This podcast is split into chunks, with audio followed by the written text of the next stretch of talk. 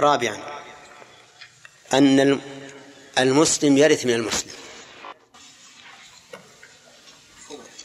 ها؟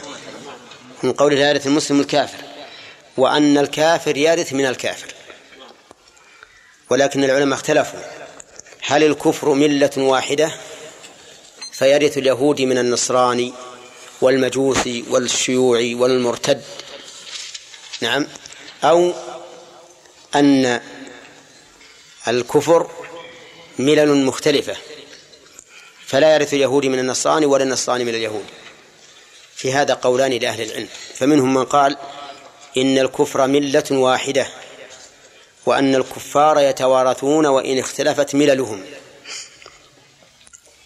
ومن العلماء من يقول بل لا لا يرثون مع اختلاف الملل. لا يرثون مع اختلاف الملل. أما الأولون فقالوا إن الكفر ملة واحدة لقول الله تعالى والذين كفروا بعضهم أولياء بعض. وقال يا أيها الذين آمنوا لا تتخذوا اليهود والنصارى أولياء بعضهم أولياء بعض. وأما الذين قالوا إنهم ملل مختلفة ولا يتواثون فقالوا إن الله قال وقالت اليهود ليست النصارى على شيء. وقالت النصارى ليست اليهود على شيء. فتبرأ كل منهم من الآخر من حيث الدين. أما كون بعضهم أولياء بعض فهذا بالنسبة للمسلمين. فهم أولياء بعضهم لبعض على من؟ على المسلمين. أما في بي فيما بينهم فلا. وهذا هو الصحيح. الصحيح أن الملل أن الكفر ملل مختلفة. والدليل على ذلك انظر اختلافهم في النصارى في, المسيح ابن مريم اليهود يقولون إن المسيح ابن زانية وأمه زانية. قاتلهم الله. والنصارى يقولون إنه إله وأمه إله. فرق عظيم. كيف نقول إن هؤلاء بعضهم أولياء بعض؟ لكن هم أولياء بعض بالنسبة لمن؟ على المسلمين. أولياء على المسلمين. أما فيما بينهم فلا. فالصواب أن الكفر ملل مختلفة. طيب إذن اليهودي يرث من اليهودي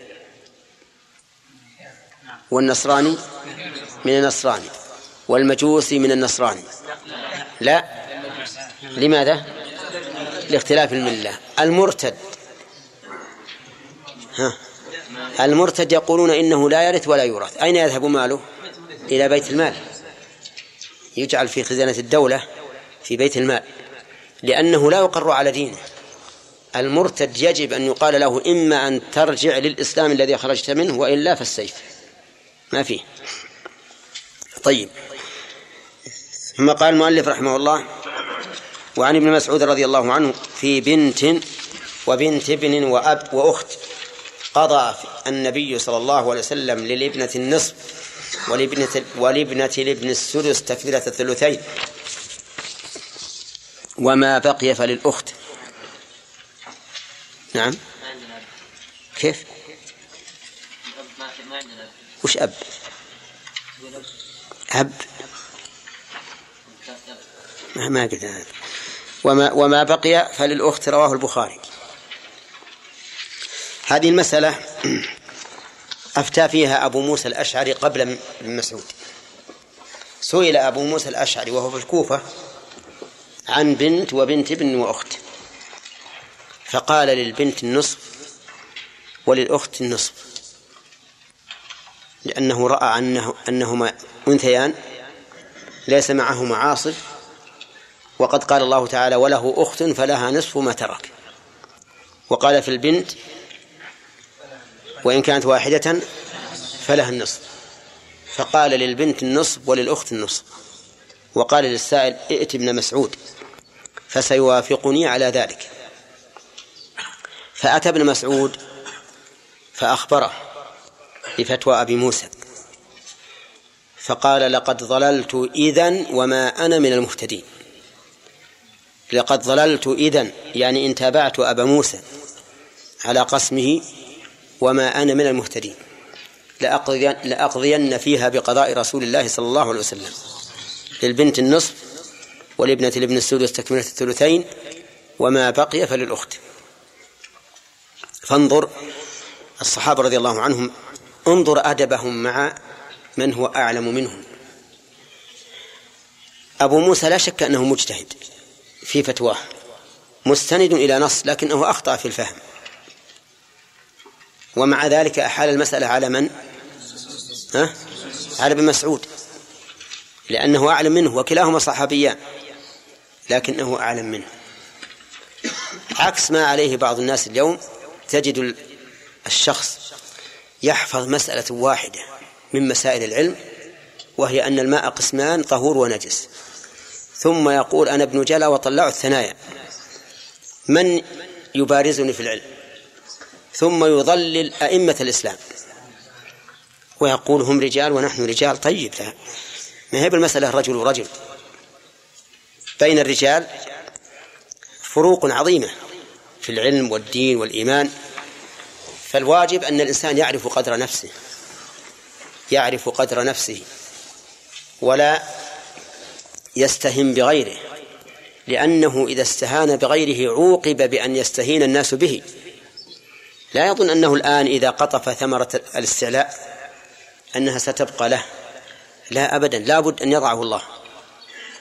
لأن من استهان بغيره بغير حق فإن الله تعالى يسلط عليه من يهينه ويذله. المهم أن قول ابن مسعود لقد ضللت إذن وما أنا من المهتدين فيه وصف المخطئ ولو كان مجتهدا بالضلال. إلا أن يقال إن ابن مسعود أضاف الضلال إلى نفسه إن تابعه لأنه عالم بالحكم عالم بالحكم. ولكن الاحتمال الأول أصح أن المخطئ يصح أن نقول إنه ضال وإن كان مخطئا. لكن قد لا يسوغ أن نقابله بذلك ونقول إنك ضال بل نقول بحسب ما تقتضيه الحال تبين الأمر نقول تبين الأمر تأمل المسألة انظر فيها مرة أخرى حسب ما تقتضيه الحال. لأنك ربما لو جابهته بأن فقلت له أنت ضال يحصل في هذا مفسدة كبيرة. لكن الإنسان العاقل يستطيع أن يبين الضلال للشخص لكن بأسلوب مقنع مرضي. آه، ثم قال لأقضين فيها بقضاء رسول الله صلى الله عليه وسلم فأقسم رضي الله عنه أن يقضي فيها بقضاء الرسول عليه الصلاة والسلام. أقسم ما نرى والله في في كلامه ها؟ مقدر. لأن اللام لأقضين واقعة في جواب القسم. والتقدير والله لأقضين ثم قال للابنة النصف للابنة النصف لتمام الشروط. لأن شرط إرث البنت النصف أن لا يوجد معها معصب ولا مشارك. الآن ما فيها مشارك ولا معصب. ما في بنت أخرى وليس فيه ابن معصب فيكون لها النصف ودليل ذلك قول الله تبارك وتعالى يوصيكم الله في أولادكم للذكر مثل حظ الأنثيين فإن كن نساء فوق اثنتين فلهن ثلث ما ترك وإن كانت واحدة فلها النصف فلها النصف هذه واحدة لها النصف بنت الابن كيف يكون لها السدس؟ نقول لأن بنت الابن من البنات تنسب إلى جدها فيقال فاطمة بنت علي بنت عبد الله. أليس كذلك؟ ها؟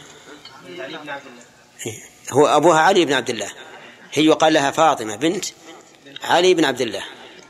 إذن تنسب إلى جدها فهي من من البنات في الحقيقة. من البنات. لكن لنزول درجتها عن البنت كان من الحكمة أن لا تساويها في الميراث. أن لا تساويها في الميراث. بل تعطى السدس لأن لأن البنت ميراثها النصف تام تام الشروط. لم يبق من الثلثين إلا السدس فتعطاه بنت لبن طيب فإن قال قائل لماذا لم تفرضوا لها الثلث مثلا؟ قلنا لو فرضنا لها الثلث لزاد نصيب البنتين عن الثلثين. والبنتان ليس لهما إلا الثلثان ولهذا نقول في قسمة الميراث لبنت الابن السدس ولا نقف بل نقول تكملة الثلثين. يجب أن نقول تكملة الثلثين. يعني لو قلت لبنت النصف ولا لبنت الابن السدس قلنا هذا خطأ. لا بد أن تقول تكملة الثلثين من أجل أن تشير إلى الحكمة في أنك لم تعطها إلا السدس والحكمة هي أن أنك لو أعطيتها أكثر من السدس لزاد نصيب البنتين على الثلثين وهذا ممتنع. ولهذا نقول لها السدس تكمل الثلثين. بقي أن يقال الأخت لماذا لم ترث النصف؟ يقول لا يمكن أن ترث النصف لأنه وجود لوجود لوجود الفرع الوارث. وإذا وجد الفرع الوارث فإن فإن الإخوة لا يرث الإناث منهم بالفرض لأنهم كلالة. لا يرثون إلا في الكلالة. كما قال تعالى يستفتونك. قل الله يفتيكم في الكلالة إن امرؤ هلك ليس له ولد ليس له ولد. وفي مسألتنا ها؟ له ولد. وهو وهي البنت وبنت الابن. وله أخت فلها نصف ما ترك. ففي هذا المثال ليس لها فرض. بل لها تعصيب. لها تعصيب. فإن قال قائل كيف تجعلون لها تعصيبا؟ وهي أنثى. وقد قال النبي صلى الله عليه وسلم ألحقوا الفرائض بأهلها فما بقي فهو لأولى رجل ذكر. وهنا أعطيتموه الأخت وحرمتم الأعمام. والأعمام ذكور. فكيف تعطون الأخت؟ نقول لأن هذا الحديث مخصص لعموم قوله فلأولى رجل ذكر. يعني أن الأخوات مع إناث الفروع الوارثات بالفرض يكن عصبات بمنزلة الإخوة. فيكون هذا تكون هذه القسمة التي قسمها النبي صلى الله عليه وسلم مخصصة لعموم فلأولى رجل ذكر. ونقول هذه الأخت الآن بمنزلة الأخ. بمنزلة الأخ بمقتضى قسمة الرسول صلى الله عليه وسلم.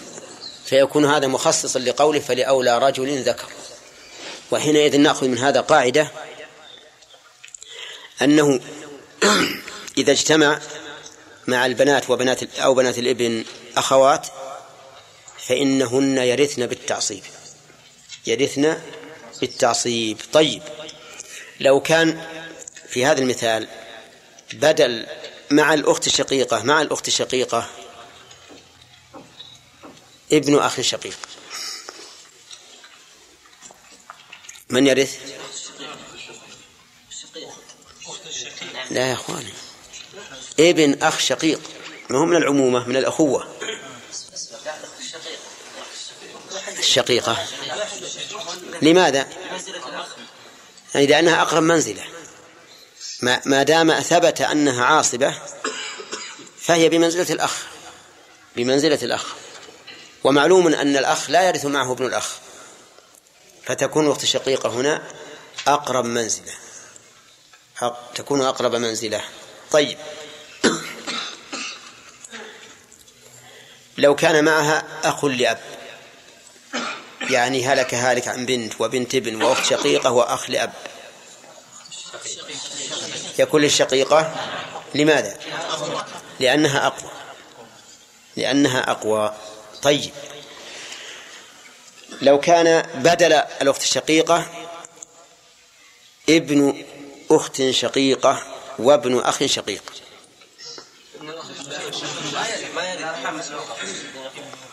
لمن؟ بنت وبنت ابن. وابن أخ شقيق وابن أخت شقيقة. كلاهما في منزلة واحدة يا جماعة. آه. نقول لا يصح. ابن الأخ الشقيق لا يرث أصلا. ابن الأخت الشقيقة ابن الأخت الشقيقة لا يرث أصلا. لماذا؟ لأن الحواشي لا يرث منهم من أدلى بأنثى إلا الإخوة من الأم. هذه القاعدة.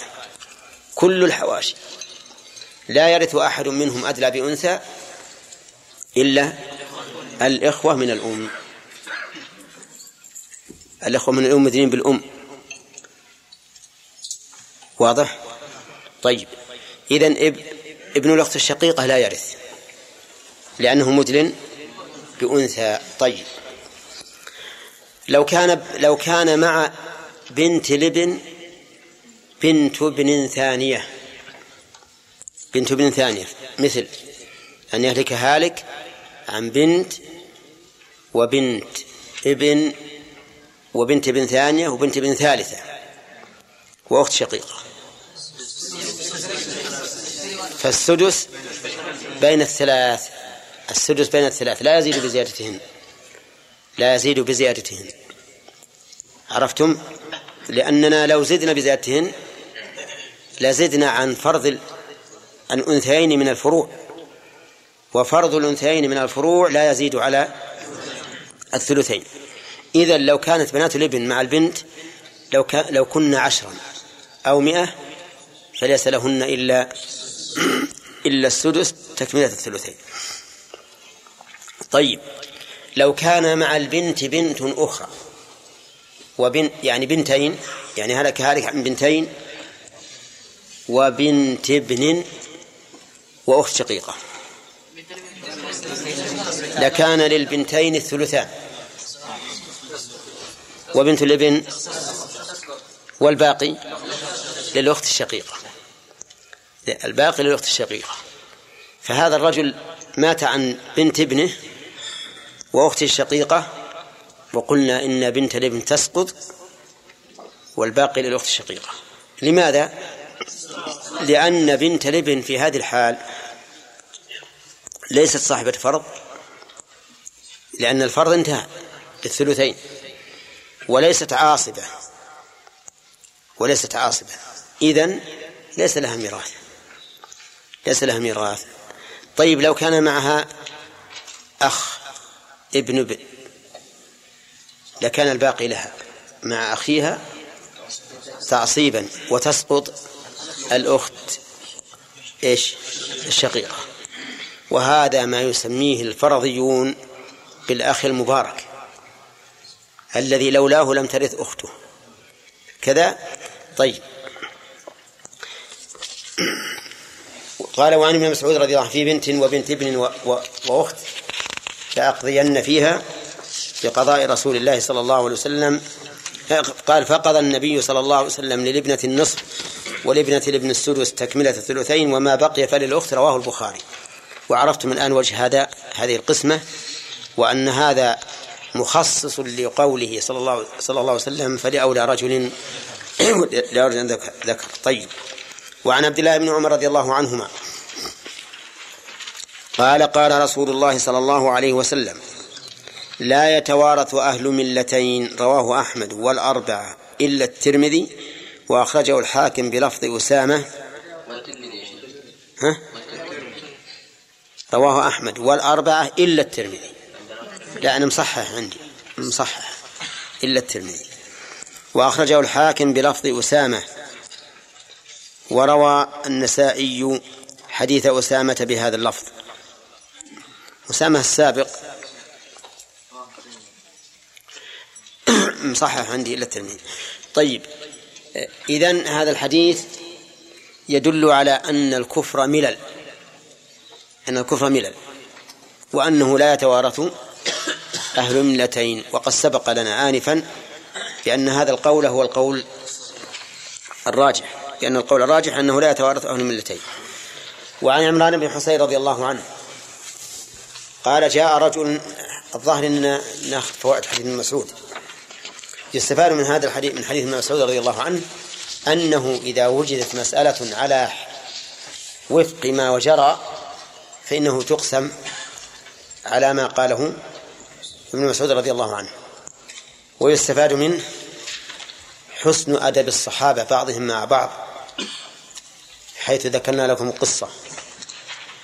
ويستفاد منه أيضا أنه لا يمكن أن يزيد الإناث من الفروع عن فرض الثلثين.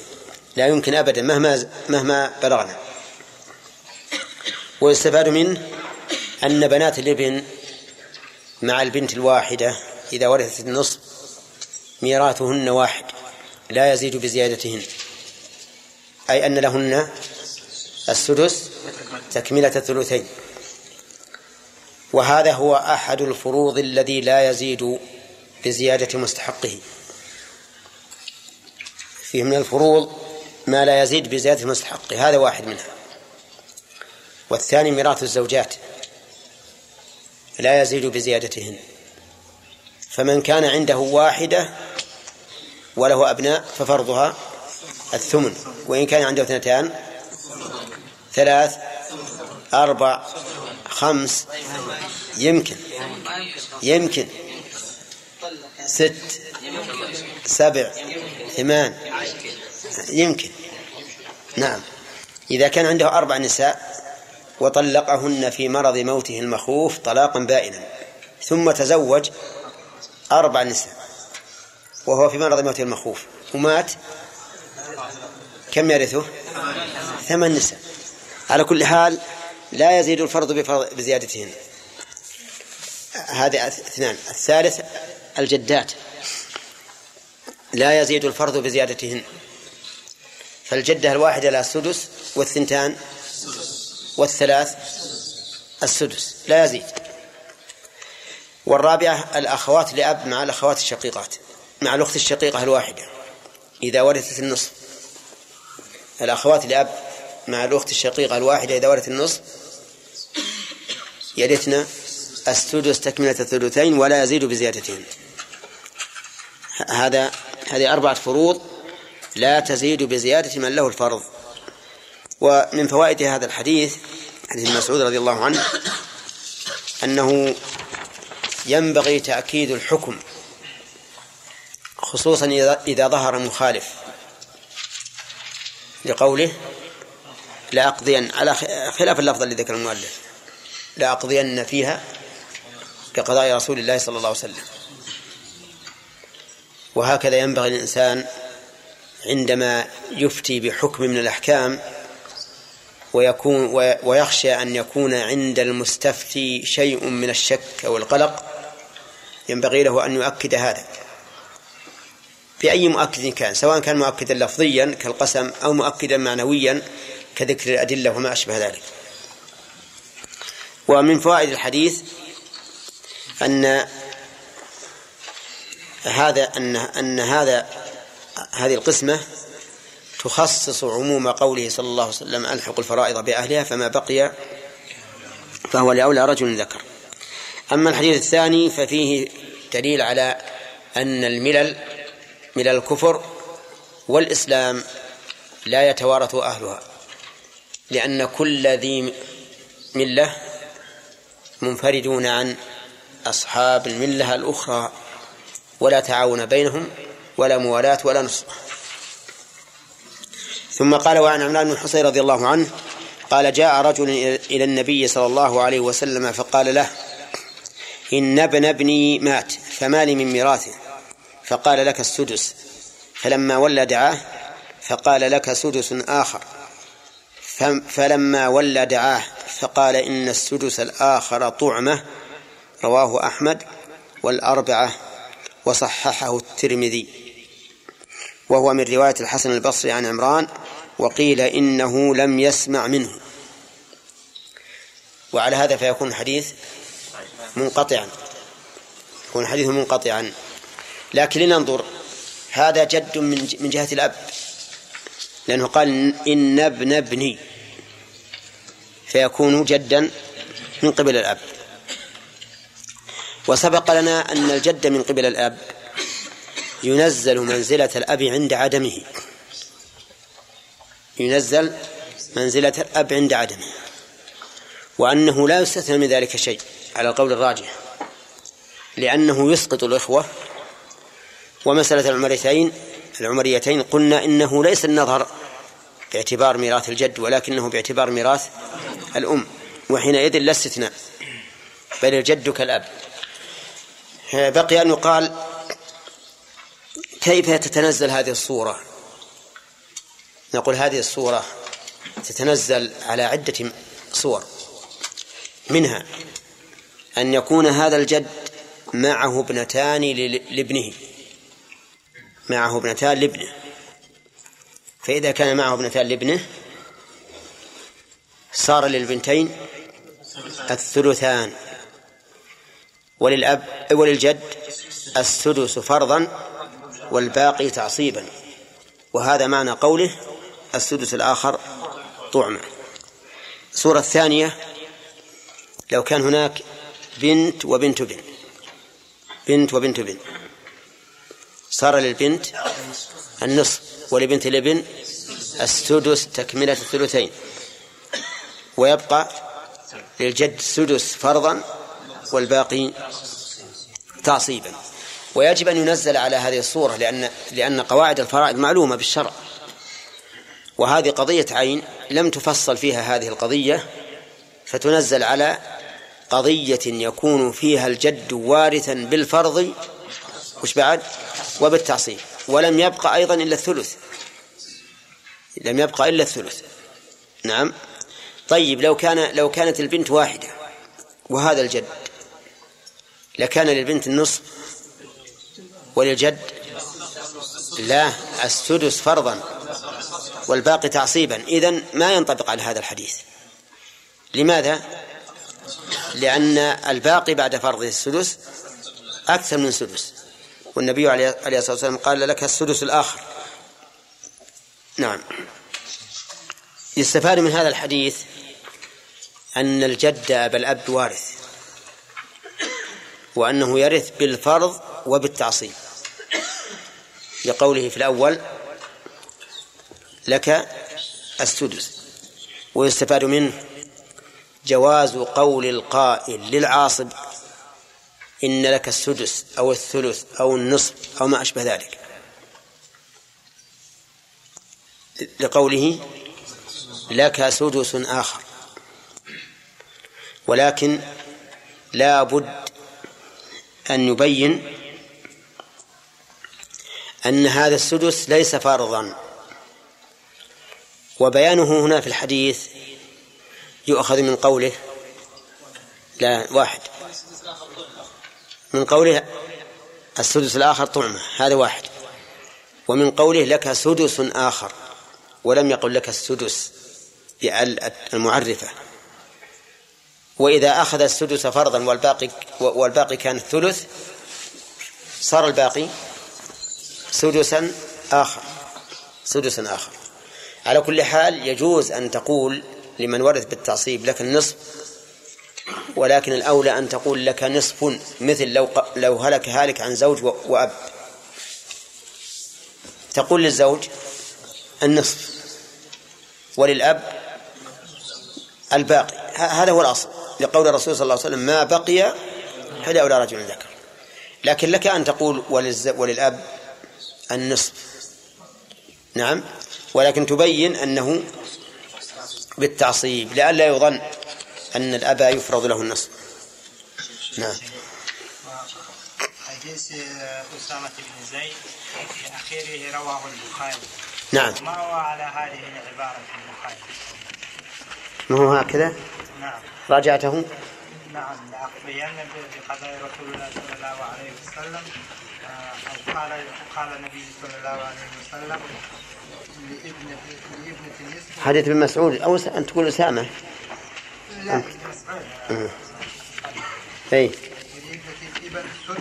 بقي فللأخت تكملة الثلثين ما ما فيه نعم لا لا بد من ذكره لا بد من ذكره كل منسوخ مات في. في في البخاري ما فيه طيب حققه لنا اك- أكتب. ها. كل الألفاظ ما فيها؟ كل الألفاظ؟ نعم كل ألفاظه؟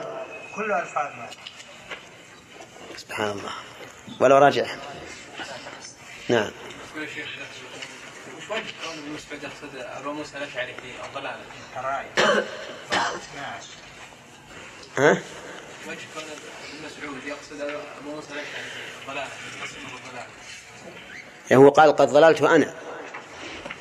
فإذا أفتى إنسان بخلاف الشرع فهو ضال ولو في الفروع. ابا لا لا هو ما يقصد ابن موسى الأشعري. قلنا لكم يقصد نفسه وربما يتوجه ابن مسعود لأنه عالم. المهم إن مسائل الفروع يصح أن نقول الإنسان أنه ضال فيها إذا أخطأ. ناخذ لنا فائدة من نفس كلام ابن مسعود. أي نعم. من قوله ضللت. وهو يريد ضللت إذا حكم بحكم أبي موسى. فيعني فيعني ذلك أن أبا موسى كان على ضلال. نعم. قررنا فيما سبق قلنا أنه لو يعني لو أتاك عامي وله مثلا فرض وتعزير تقول له لك يعني كذا فرضا والباقي لك تعصيب صحيح. تقول له الباقي أيوه يقول لك الباقي. نعم. لكن الرسول صلى الله عليه وسلم فصل لهذا الرجل. أي نعم. نعم. قال لك لك السدس بعدين دعاه بعد ما أي نعم لأنه ذكر السدس وحده. نعم. ذكر السدس وحده فلما استقر عنده أنه ليس له إلا السدس دعاه ثم قال لك السدس الثاني. لماذا لم نقول هذا ما هو لازم ما هو لازم يعني يتبين له يعني أن هذا الشيء له هو خاصة يعني ما له مثلا فرض التعصيب. يعني مثلا مثلا نصف أو ثلثان قلنا إن هذا هو لا إذا إذا بينا له لابد نبين له. وأيضا الصحابة ليسوا كعامة الناس. الصحابة عندهم العلوم ما ليس عند عامتنا اليوم. إذا تنصر اليهودي أو تهود النصراني هل يرث بعضهم من الآخر أو لا يقرأ عليه؟ لا ما لا هو يقرأ على دينه ما علينا منه. كل الدين با... لأن جميع الدينين باطلان. ويرث ويرث من الملة التي انتقل إليها. يرث من الملة التي انتقل إليها. مع أن فيه رأي ثاني للعلماء بأنه إذا تهود النصراني أو عكسه فهو كالمرتد. لا يقبل منه إلا الإسلام أو الرجوع إلى دينه. نعم. إذا وجد أخت شقيقة وابن أخ شقيق. فالأخت الشقيقة ترث النصف والباقي تعصيبا أو إيش؟ أخت شقيقة وابن أخ شقيق. نعم. للأخت النصف أي نعم. والباقي لابن الأخ الشقيق. ما تأخذ الأخت الشقيقة الباقي تعصيبا وش ترث بالفرض والتعصيب؟ ما يمكن. ما يمكن. مشروع الجد طيب يرث بالفرض والتعصيب. إي بس من جهتين. هي الآن فرضها النصف فقط. وليس صاحب الفرض إلا مع إناث الفروع. وهي- ومع إناث الفروع ما يمكن ترث ب- النصف. نعم. معنى قوله طعمة نعم. معنى قوله طعمة. طعمة يعني ليس فرضا. ليس فرضا لأن الفرض لا بد منه. ألحق الفرائض بأهلها. أما هذا طعمة إن بقي لك شيء أخذته وإلا فلا شيء. نعم. آه، من هم ذو الفروض الذين لا تزيد الفروض بزيادتهم؟ نعم. آه، كم؟ واحد هذا واحد هذا. الذي ذكر. نعم. يعني بنات الابن مع البنت نعم وإذا أحسن. تزيد ما وكذا والثاني أخوات الأب مع أخت الشقيقة إذا تزيد لها لهم سدس تمام. أحسنت. والجدات إذا يزيد إلى عشرة. عشر جدات. إيه، لا لا إذا ما لم أد ليس ليس لهن إلا السدس. إيه. طيب. وكذلك الأم هذه ثلاث. وك- وكذلك الزوجة. وإذا كان واحدة و... وزيادة مع الإبن ربع وما و... وبدون الابن مع ال- مع الإبن ثمن وما بدون الإبن ربع. أي. مشترك بينهما. أحسنت. إذن أربعة أصناف من ذوي الفروض. لا يزيد لا يزداد الفرض بزيادتهم بزيادتهم وهم هؤلاء الذي ذكر الأخ هداية الله. طيب. هلك هالك عن ابن النصراني والهالك يهودي. لا اللي وراء أي نعم.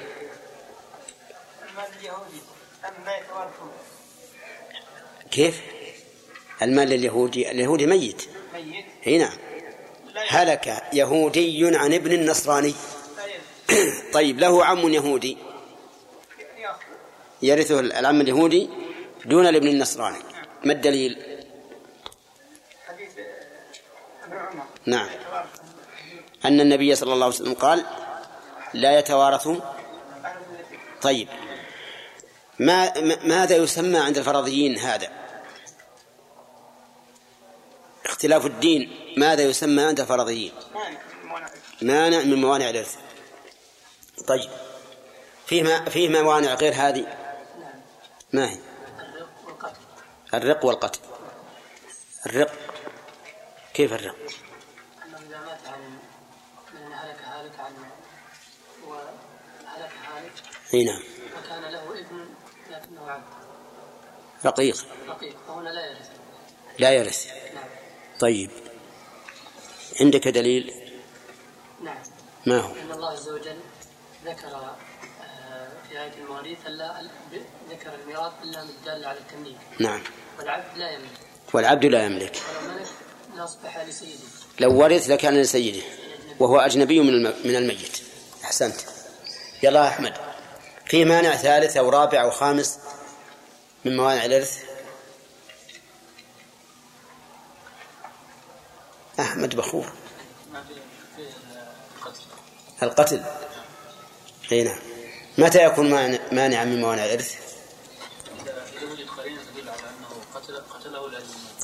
إذا كان بغير حق. ها؟ طيب إذا كان بغير حق. لو قتل لو قتل أخاه قصاصا هل يرث؟ يرث القاتل؟ كيف؟ قاتل. قتله بحق لأنه قتله بحق. صح يا جماعة؟ طيب. هل يشترط في القتل بغير حق أن يكون عمدا أو يستوي العمد والخطأ؟ نعم. يعني القتل بغير حق مانع من الإرث لكن هل يفرق فيه بين العمد والخطأ أو لا يفرق؟ فيكون القتل مانعا من الإرث سواء كان خطأ أم عمدا. قولان لأهل العلم قول أنه لا يفرق بين المتعمد والخطأ. قول آخر أنه يفرق. اللي يرجح الخطأ والعمد يعني إذا تيقنا أنه خطأ فإنه يرث على القول الراجح. مثاله؟ مثال كان رجل يسافر مع ابنه بسيارة وانقلبت السيارة بهما ومات الابن. والقائد من؟ الوالد. الوالد. فهنا القتل خطأ يقينا لم لا لا يدخلنا شبهة في أنه عمد. طيب امرأة انقلبت على طفلها وهي نائمة فمات هل ترث منه؟ نعم ثالث من القول الراجح أيضا. ترث منها القول الراجح. لماذا؟ لأنه لا ترك الولد لأنه هذا خطأ. خطأ يقينا ما في إشكال. أما ما يحتمل أنه عمد فلا إرث. هل يستند هذا المانع إلى قاعدة معروفة عند الفقهاء؟ أي نعم. أن القتل مانع من موانع الإرث. هل يستند إلى قاعدة معروفة عند الفقهاء؟ يستند إلى قاعدة ودليله حديث؟ لا دع- دعنا من دليل. إلى الآن ما وصلنا ما طلبت الدليل؟ أنا أطلب القاعدة. أن القاتل لا يكون المقتول إيه هذا هذا ما هو قاعدة. حكم.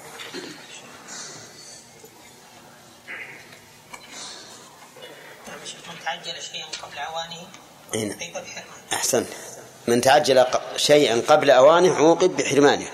ولهذا لو أوصى شخص لآخر قال أعطوا فلانا بعد موتي ألف ريال.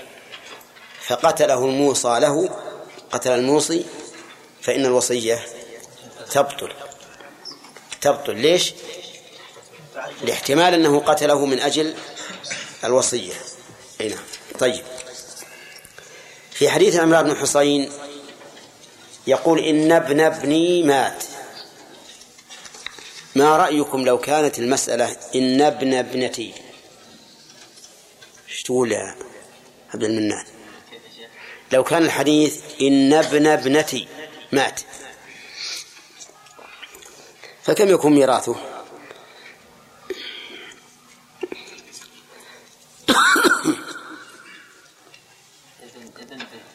لا ابن بنت مات.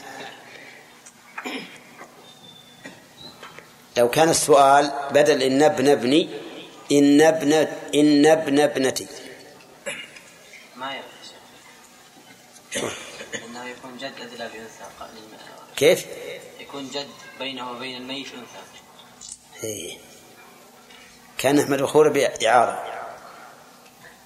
هو ابن اغلب بينه وبين الميت أنثى. هل تعارض أو توافق؟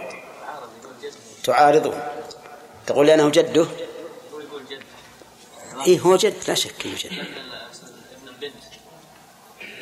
هذا رجل يقول إن ابن ابنتي مات. فما ميراثي منه؟ هذا السؤال. الحديث إن ابن ابني. وأنا أقول لو كانت المسألة إن ابن ابنتي.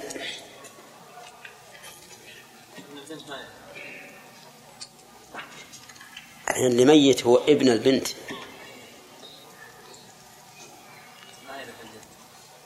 ما يرث يعني توافق عبد المنان. توافقه توافق على خطأ.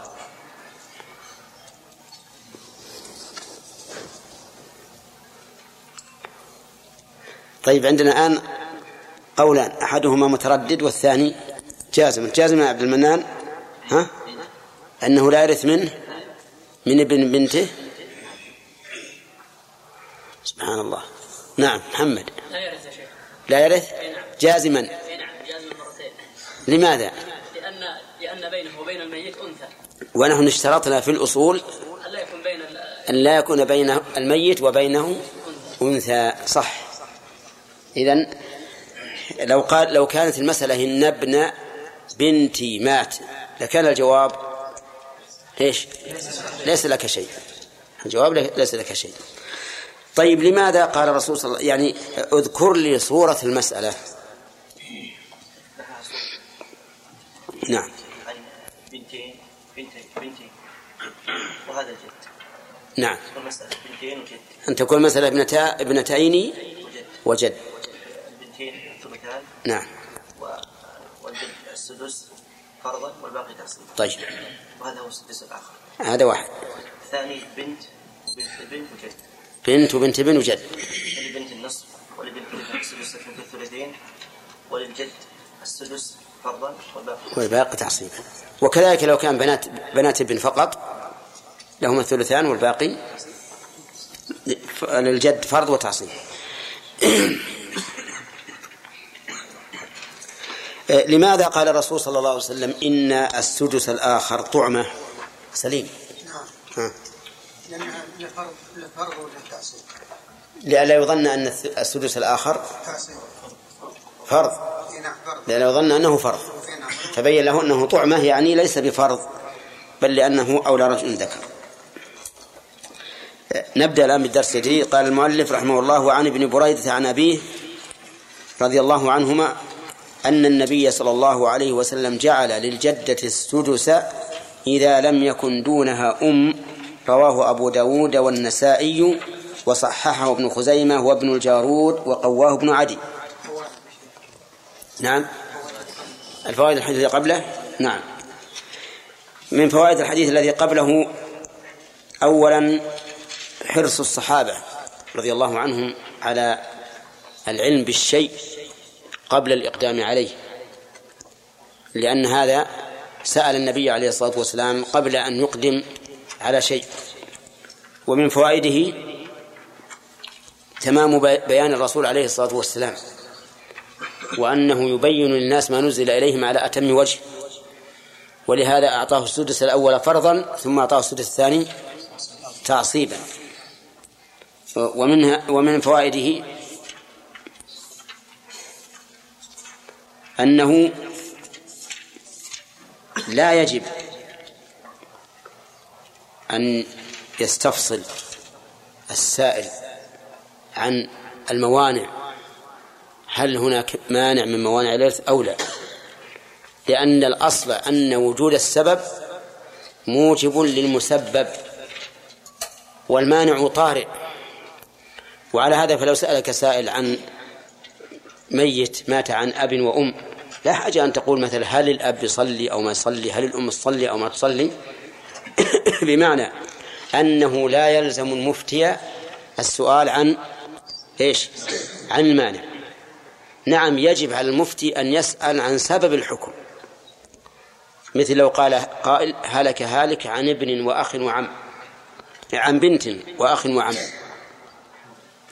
فهنا لا بد أن يسأل عن الأخ هنا هل هو الأم أو لأب أو أو شقيق. لأن الحكم يختلف.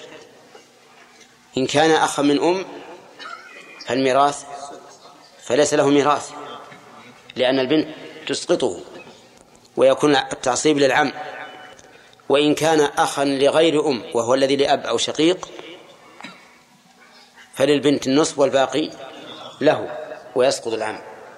هذا لا بد من الاستفصال يعني الشيء الذي يتوقف عليه ثبوت الحكم لا بد من الاستفصال عنه. أما الموانع فلا يجب أن يستفصل المفتي عنها. طيب لو قال طلقت زوجتي طلقت زوجتي هل يلزمه أن يقول طلقتها في طهر جمعتها فيه أو وهي حائض؟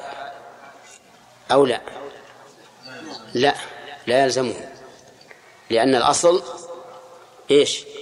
الأصل صحة الطلاق وعدم وجود المانع. لكن لو جاء يسأله أنه يريد أن يطلق زوجته فحينئذ لا بد أن يقول هل هي حائض أو في طهر جامعتها فيه. من أجل أن يكتب الطلاق على وجه صحيح. طيب. قال وعن ابن بريدة عن أبيه رضي الله عنهما أن النبي صلى الله عليه وسلم جعل للجدة السدس إذا لم يكن دونها أم. رواه أبو داود. والنسائي وصححه ابن خزيمة وابن جارود وقواه ابن عدي. قوله للجدة الجدة هي أم الأم وأم الأب وإن علون أمومة. أم الأم وأم الأب وإن علون أمومة. هذه الجدة. يعني أم أمك جدة أم أبيك جدة أم أم أمك جدة. أم أم أبيك جدة. أليس كذلك؟ طيب. وهاتان الجدتان وارثتان بالإجماع. وارثتان بالإجماع. يعني الأم الأم وإن علت أمومة وأم الأب وإن علت أمومة. هاتان وارثتان. فإذا هلك هالك عن جدة أم أم. نقول لها السدس. ولكن بشرط أن لا يكون دونها أم. فإن كان دونها أم فلا ميراث لها. لأن الأم أقرب من الجدة. الأم أم الميت مباشرة. والجدة أم أمه أو أم أبيه فهي أقرب منها. فإذا وجد أم فلا ميراث للجدات إطلاقا. سواء سواء كنا من جهة الأب أم من جهة الأم. ما دامت أم موجودة فليس للجدات ميراث. طيب. أم هلك هالك عن أم وجدة من قبل الأب يعني عن أمه وأم أبيه. ما تقولون؟ ليس للجدة شيء.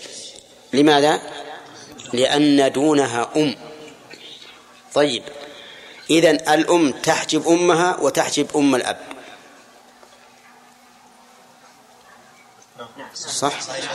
تحجب أمها وتحجب أم الأب. طيب. هلك عن أب وجدة. أمه عن الأب وأمه. هلك الرجل عن أبيه وأم أبيه. ترث؟ ها؟ لا ترث.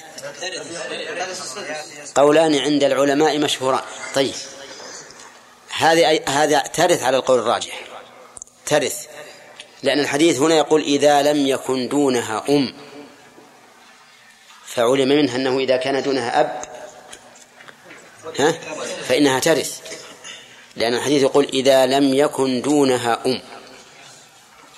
عرفتم؟ وهذه المسألة أشكلت على بعض العلماء.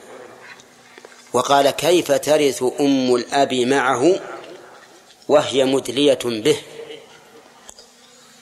كيف ترث أم الأب معه وهي مدلية به؟ والقاعدة في الفرائض أن من أدلى بشخص حجب به. ولهذا لو هلك هالك عن ابن وابن الابن لسقط ابن الابن عن أخ وابن الأخ سقط ابن الأخ. فالقاعدة في الفرائض أن من أدلى بشخص سقط به. أم الأم بمن أدلت؟ قصدي أم الأب أم الأب. أدلت بالأب إذا تسقط به. هذه القاعدة. ولكن الجواب على هذه القاعدة أن يقال إن هذه القاعدة منقوضة بالإخوة من الأم يرثون مع الأم.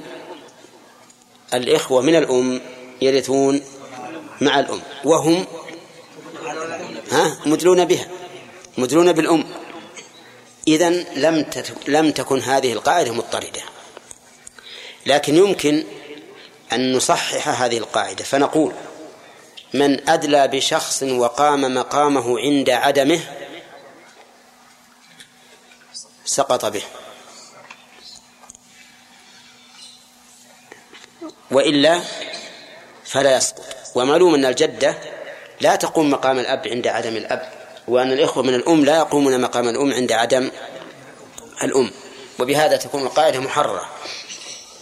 على كل حال هذا الحديث يدلنا على أن الجدة ترث سواء كانت من قبل الأب أو من قبل الأم. الجدة من قبل الأم هي أم الأم وإن علت كملوا أمومة. وأم الأب وإن علت أمومة. طيب.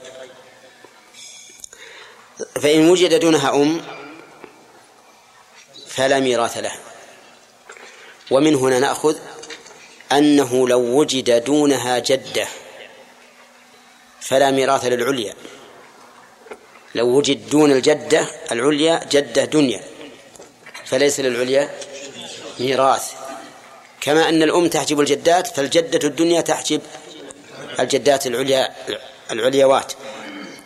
فإذا هلك عن أم أب وأم أم أم أم أب وأم أم أم. فالميراث لمن؟ لأم الأب. لأنها الدنيا. والنبي عليه الصلاة والسلام يقول إذا لم يكن دونها أم. طيب هلك عن أم أم وأم أم أب. لأم الأم؟ لأنها دنيا. يعني أدنى منها. طيب. عن أم أم أم أم أم أم وأم أم أب. ها؟ هما متساويان. إذن السدس بينهما. السدس بينهما. ولا نعطي كل واحدة سدسا لأننا لو أعطينا كل واحدة سدسا فقد تأتينا جدة ثالثة ورابعة وخامسة. نعم. إذا جاءنا ست جدات وقلنا كل واحدة لها السدس أخذنا المال كله. ولهذا لم يكن لهن إلا السدس سواء كنا واحدة أو أكثر. طيب الآن اللي عرفتم الجدات ترث من؟ أم الأم وإن علت أمومة. والثانية؟ أم الأب وإن علت أمومة طيب. أم أبي الأب هل ترث أو لا ترث؟ يعني أم الجد وإن علت أمومة. لا ترث وقيل ترث. نعم وقيل ترث. نعم قول ثاني وقيل ترث. طيب. أم الجد يعني مثلا هي أم أبي الأب. أم أبي الأب. ترث. كذا؟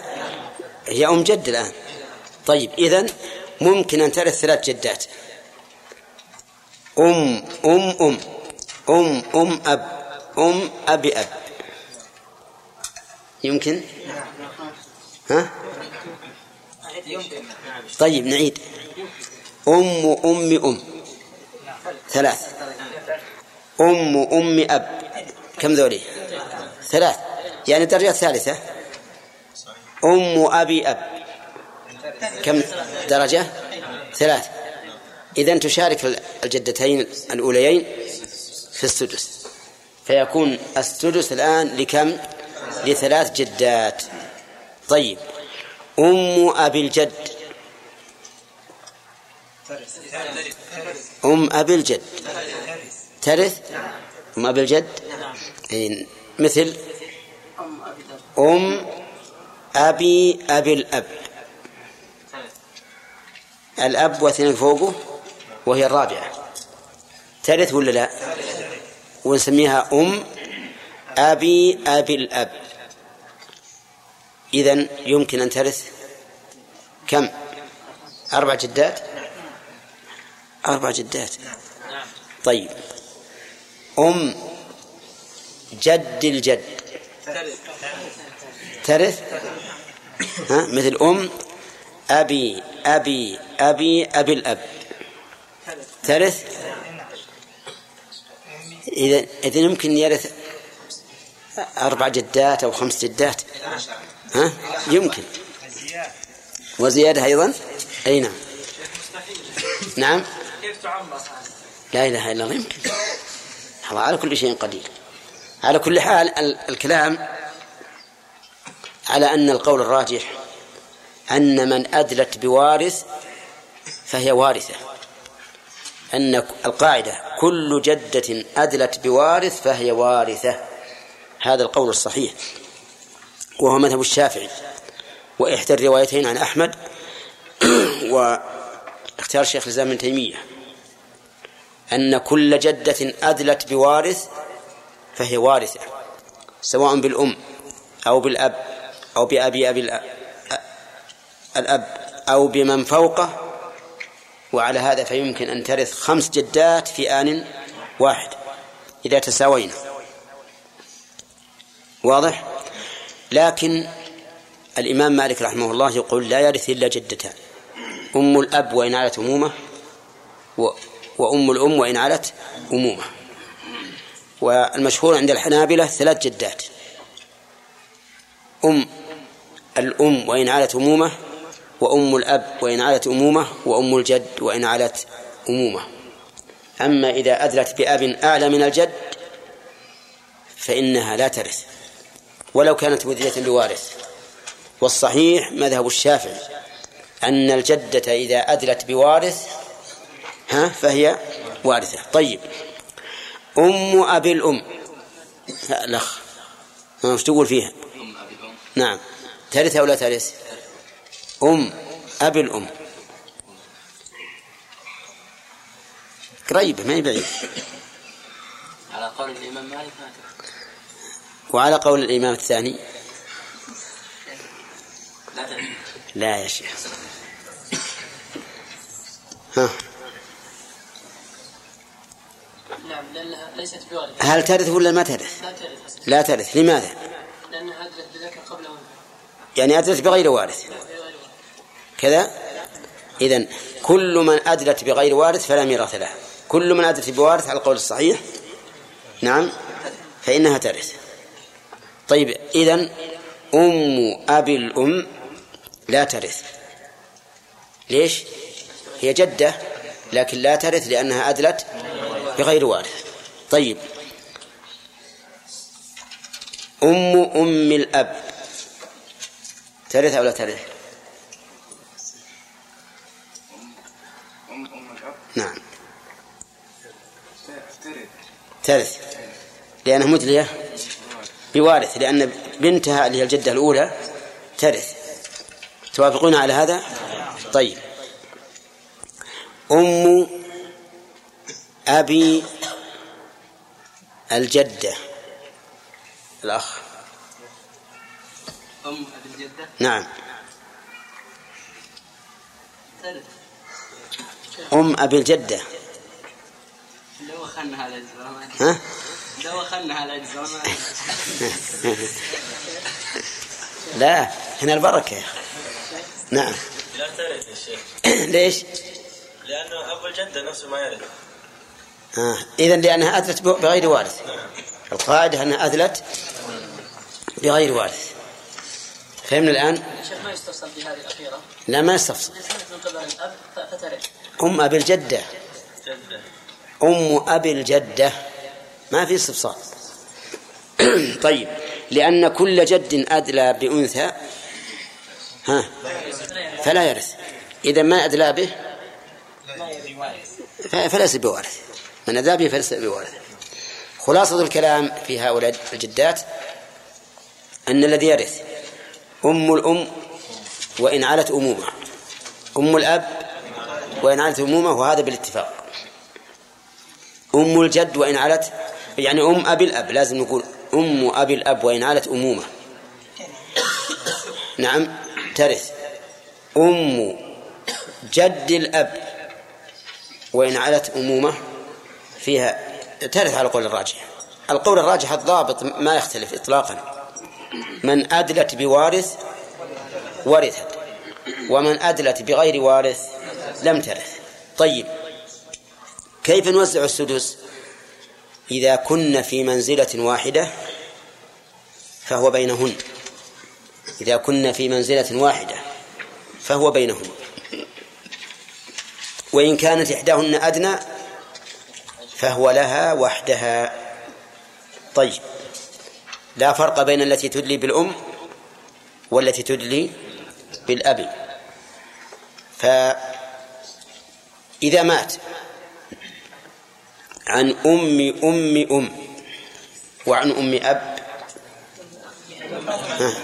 فللثانية للثانية. طيب وعن أم أم أب وأم أم. للثانية أيضا. طيب. وعن أم جد وأم أب وأم أم. للأخيرتين دون الأولى. الأخيرتين دون الأولى لأن الأولى أبعد. أفهمنا القاعدة الآن؟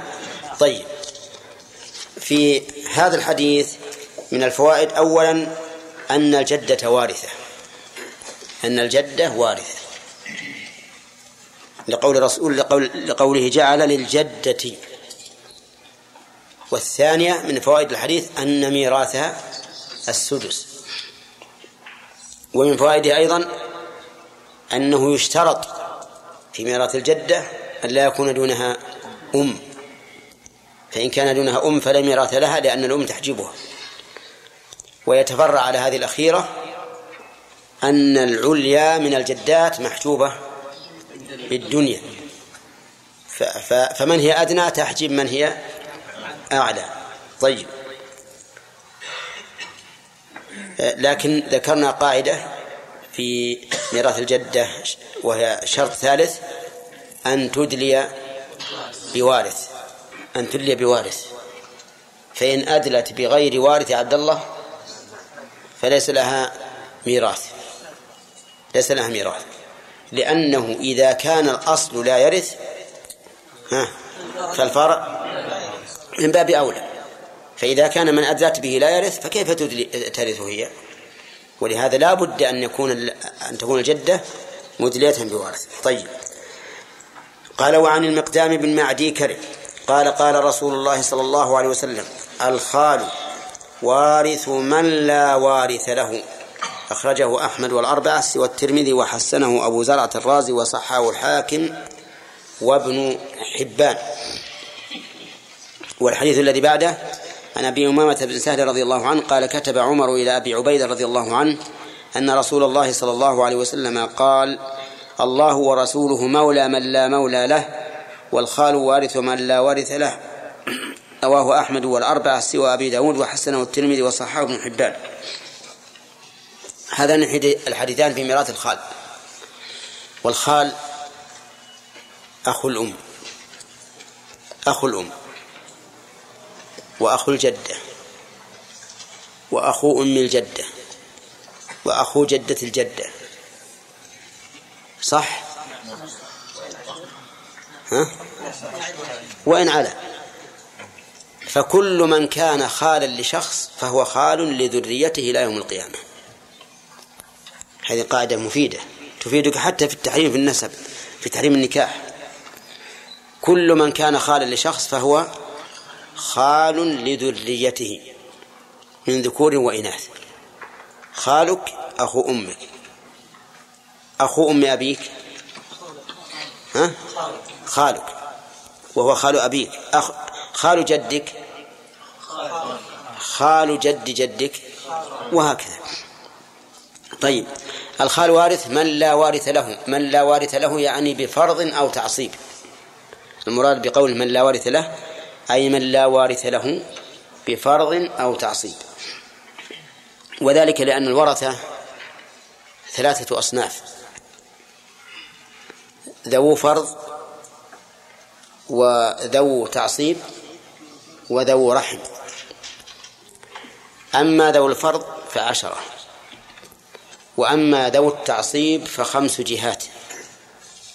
وقد عرفنا ذلك كله والحمد لله.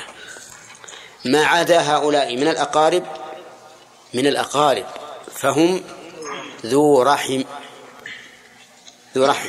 والرحم هو القرابة كما قال تعالى وأولي الرحام بعضهم أولى ببعض في كتاب الله.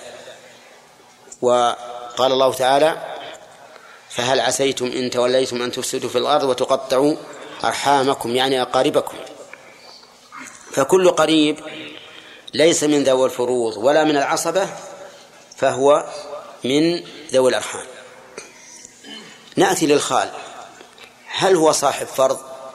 سلطان. هل هو صاحب فرض؟ كم أصحاب الفروض؟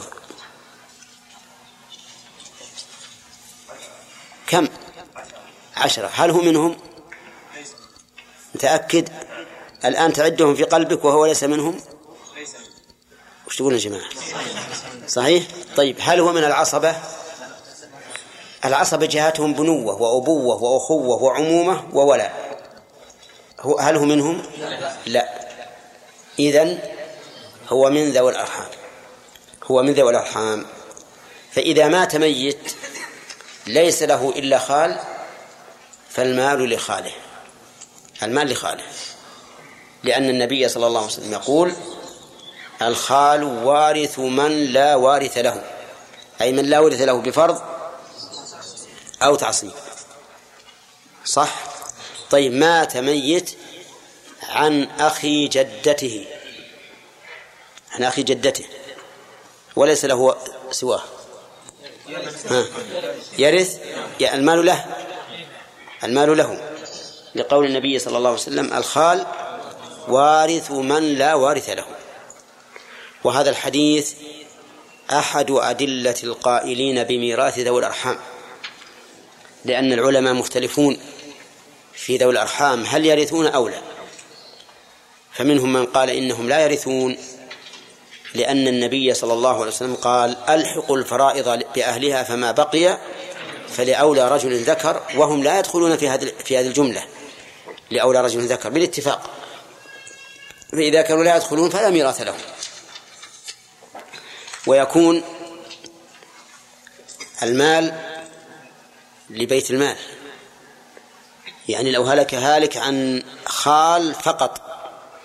فالذين لا يقولون بميراث والأرحام يقولون إن مال هذا الميت يكون لبيت المال. ولا يرثه خاله لأن خاله ليس بذي فرض ولا عصبة. فلا ميراث له لكن صحيح أنهم يرثون. والدليل على هذا يعني من الأدلة على ذلك هذا الحديث.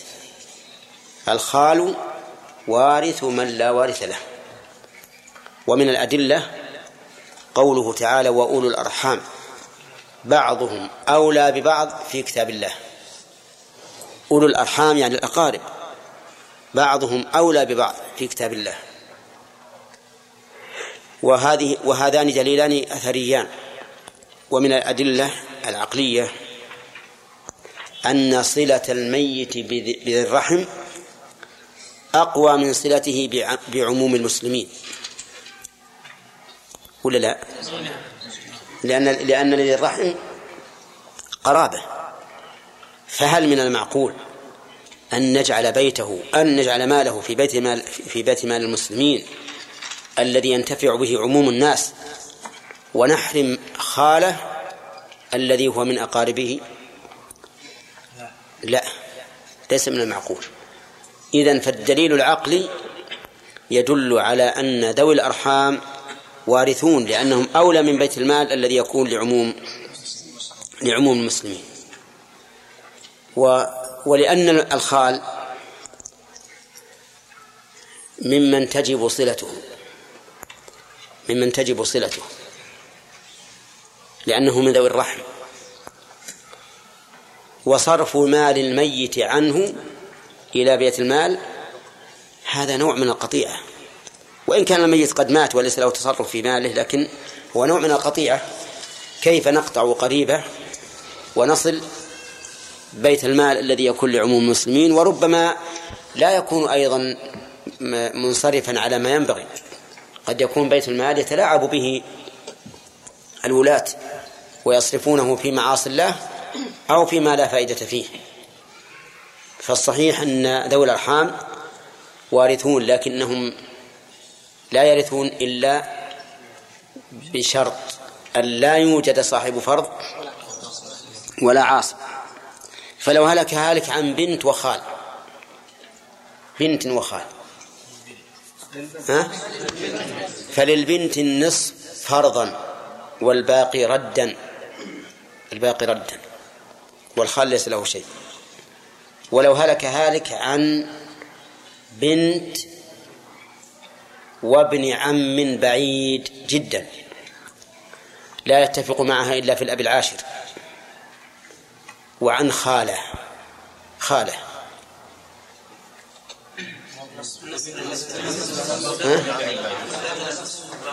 للبنت النصف فرضا والباقي ردا.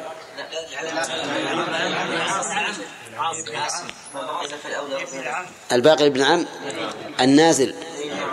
طيب والخالة؟ ليس لها شيء لأن معنا صاحب فرض وعاصب وقد قال النبي عليه الصلاة والسلام ألحق الفرائض بأهلها فما بقي فلأولى رجل ذكر. نعم. شيخ صلى الله عليه وسلم. ذكرنا في القاعدة بأن من أدلى بوارث ولد ها؟ ذكرنا في القاعدة بأن من أدلى بوارث ولد لا. ما ذكرنا. من أدلى بوارث ورث من أدلى بوارث حجب به؟ ها؟ أي من أدلى بوارث من الجدات. من أدلى بوارث من الجدات. ورثت هنا ولهذا ابن البنت مدلم بالبنت ولا يرث. من ذوي الأرحام كيف الجدة يعني من جهة الأم تمنع الجدة من جهة الأب؟ وهي من يعني من أقرب أقرب. إذا صارت أقرب. لا يعني يعني يعني إذا صار متساويات يرثن جميعا. خلاص ناحية لا لا فرق. كلها جدة. كلها اسمها جدة. أقرأ المثل بسم الله الرحمن الرحيم. الحمد لله رب العالمين والصلاة والسلام على نبينا محمد وعلى آله وصحبه أجمعين. نقل المؤلف رحمه الله تعالى عن جابر رضي الله عنه عن النبي صلى الله عليه وسلم قال إذا استهل المولود ورث رواه أبو داود وصححه ابن حبان. وعن عبد بن بس. بسم الله الرحمن الرحيم. الحمد لله رب العالمين. والصلاة والسلام على نبينا محمد وعلى آله وأصحابه أجمعين. سبق لنا أن النبي صلى الله عليه وسلم قال الخال وارث من لا وارث له والخال هو أخو الأم أو أخو الجدة. وذكرنا قاعدة أن خال الإنسان خال له ولفروعه لذريته إلى يوم القيامة. وكذلك عم الإنسان عم له ولفروعه إلى يوم القيامة. وهلم جرا. الخال وارث من لا وارث له يعني لو هلك هالك ولم يكن من أقاربه إلا خال فإنه يرثه وهذا الحديث استدل به من قال بميراث ذوي الأرحام. وسبق لنا أن العلماء مختلفون في ذلك وأن القول الراجح أنهم يرثون. ولكن كيف توريثهم؟ توريثهم إن شئتم بحثنا فيه وإن شئتم تركناه حتى يأتي درس الفرائض. فماذا ترون؟ ها؟ نبحث فيه. طيب. ما يخالف. طيب ما ما في بأس. ما في ما في بأس. ذوي الأرحام يرثون بالتنزيل. يعني أننا ننزل أننا ننزلهم منزلة من أدلوا به فيأخذون ميراثه. مثاله هلك هالك عن ابن أخت شقيقة وبنت أخ شقيق. ابن أخت شقيقة وبنت أخ شقيق. ابن الأخت الشقيقة من ذوي الأرحام. أليس كذلك؟ تأكدون؟ لأنه أدلى بأنثى وكل من أدلى بأنثى من الحواشي فهو من ذوي الأرحام. هذه قاعدة معروفة. أخت آه، بنت الأخ الشقيق من ذوي الأرحام أيضا. صح؟ بنت الأخ الشقيق من ذوي الأرحام. ليش؟ لأنه لأن كل أنثى غير الأخوات من الحواشي فهي من ذوي الأرحام. هذه أيضا قاعدة مفيدة. كل أنثى من الحواشي فهي من ذوي الأرحام إلا الأخوات. زين؟ واضح يا جماعة؟ طيب بنت العم من ذوي الأرحام. العمة الخالة. طيب خلاص. إذا عندنا قاعدتان.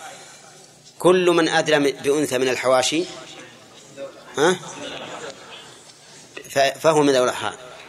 وكل أنثى من الحواشي فهي من ذوي الأرحام إلا الأخوات. المثال اللي ضربنا الآن هلك هالك عن بنت أخيه الشقيق وابن أخته الشقيقة. نحن نقول ننزلهم منزلة من أدلوا به فبنت الأخ الشقيق مدلية بمن؟ بالأخ الشقيق. وابن الأخت الشقيقة مدل بالأخت الشقيقة. فقدر أن الميت مات عن أخيه الشقيق وأخته الشقيقة. كم تعطي الأخ الشقيق؟ للذ... تقسم المال بينهما للذكر مثل حظ الأنثيين. يعني تعطي الأخ الشقيق اثنين من ثلاثة والأخت الشقيقة واحد من ثلاثة. تمام؟ أعطي من أدلوا بهم نصيبهم. أعطي نصيبهم من أدلوا بهم فتعطي بنت الأخ الشقيق نصيب الأخ الشقيق. وتعطي ابن الأخت الشقيقة نصيب الأخت الشقيقة. فنقول لبنت الأخ الشقيق اثنين اثنان من ثلاثة ولابن الأخت الشقيقة واحد من ثلاثة. واضح يا جماعة؟ طيب.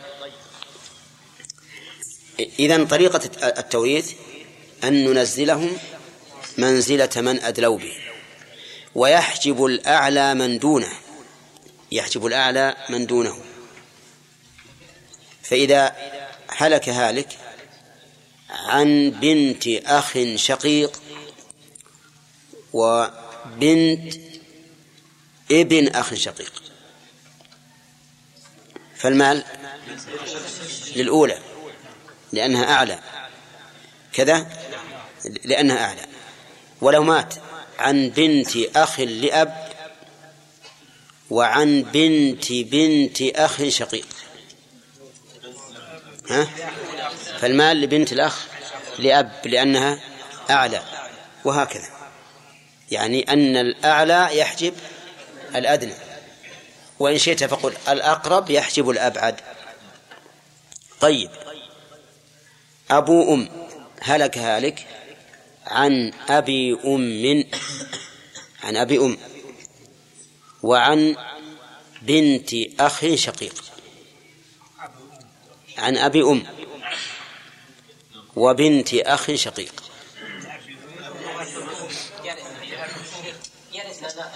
ما هي القاعدة؟ أن ننزلهم منزلة من أدلوا به أبو الأم ينزل منزلة الأم. بنت الأخ تنزل منزلة الأخ. فكأنه مات عن أم وأخ شقيق. اقسم المال بين أم وأخ شقيق للأم الثلث والباقي للأخ الشقيق. إذن لأبي الأم الثلث والباقي لبنت الأخ الشقيق.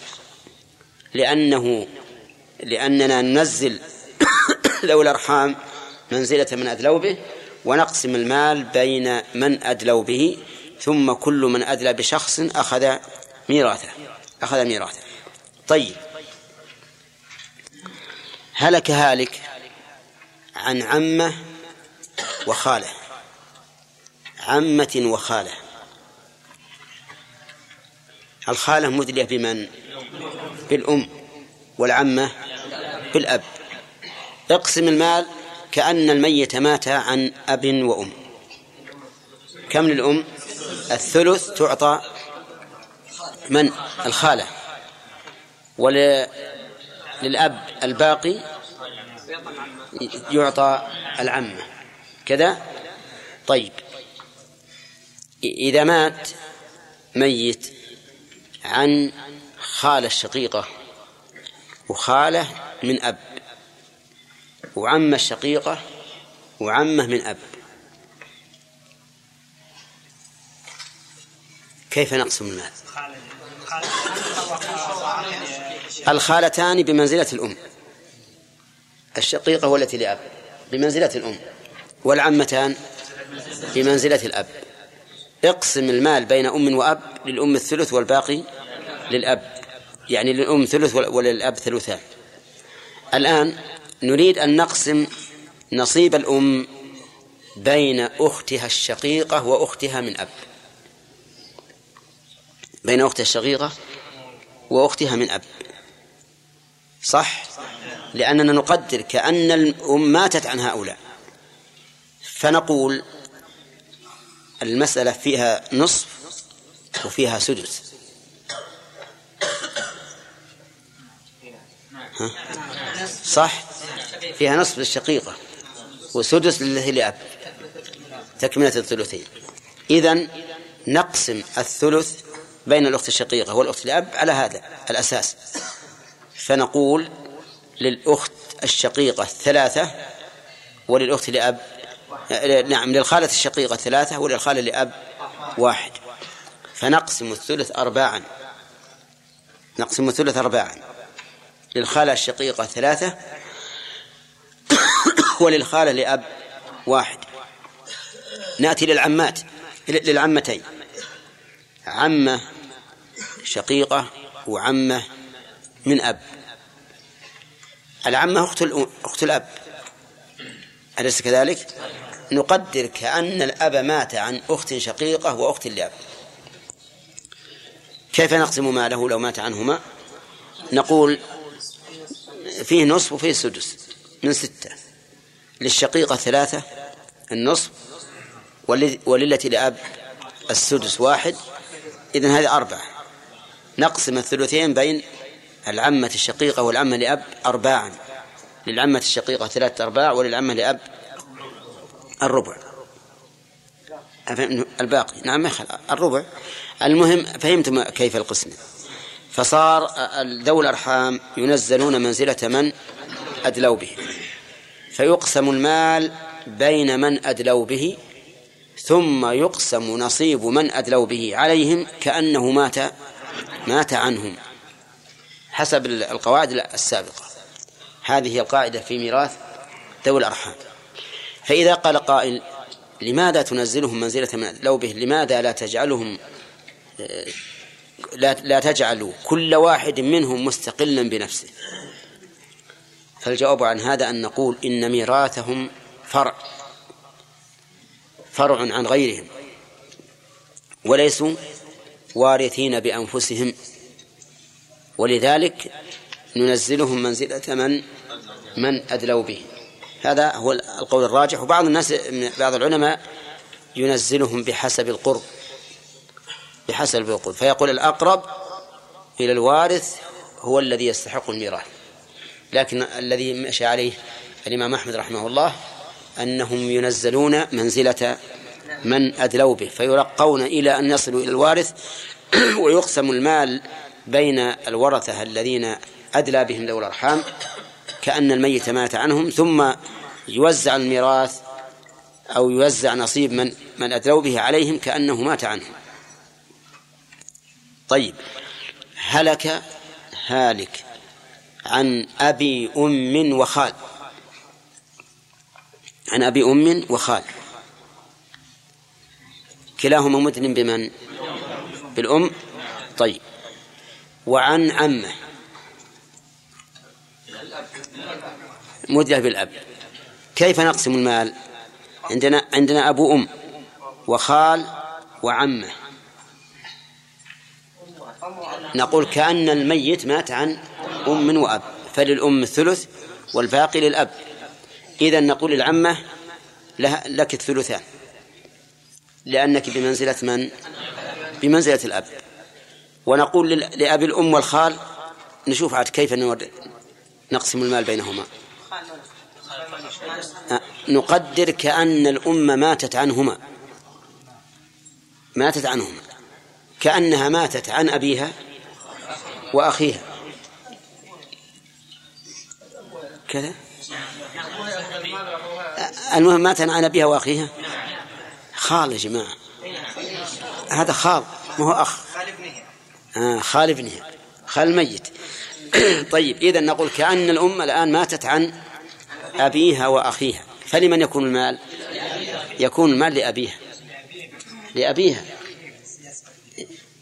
لأبيها لأبيها.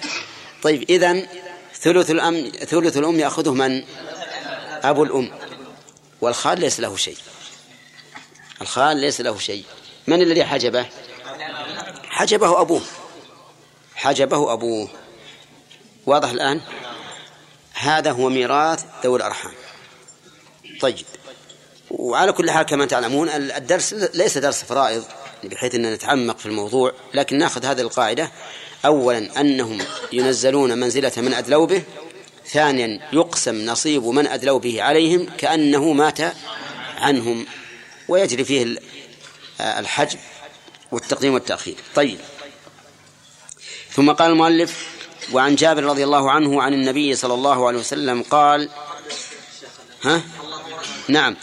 قال حديث أبي أمامة فيه جملة لم نشرحها. الله ورسوله مولى من لا مولى له. الله ورسوله مولى من لا مولى له.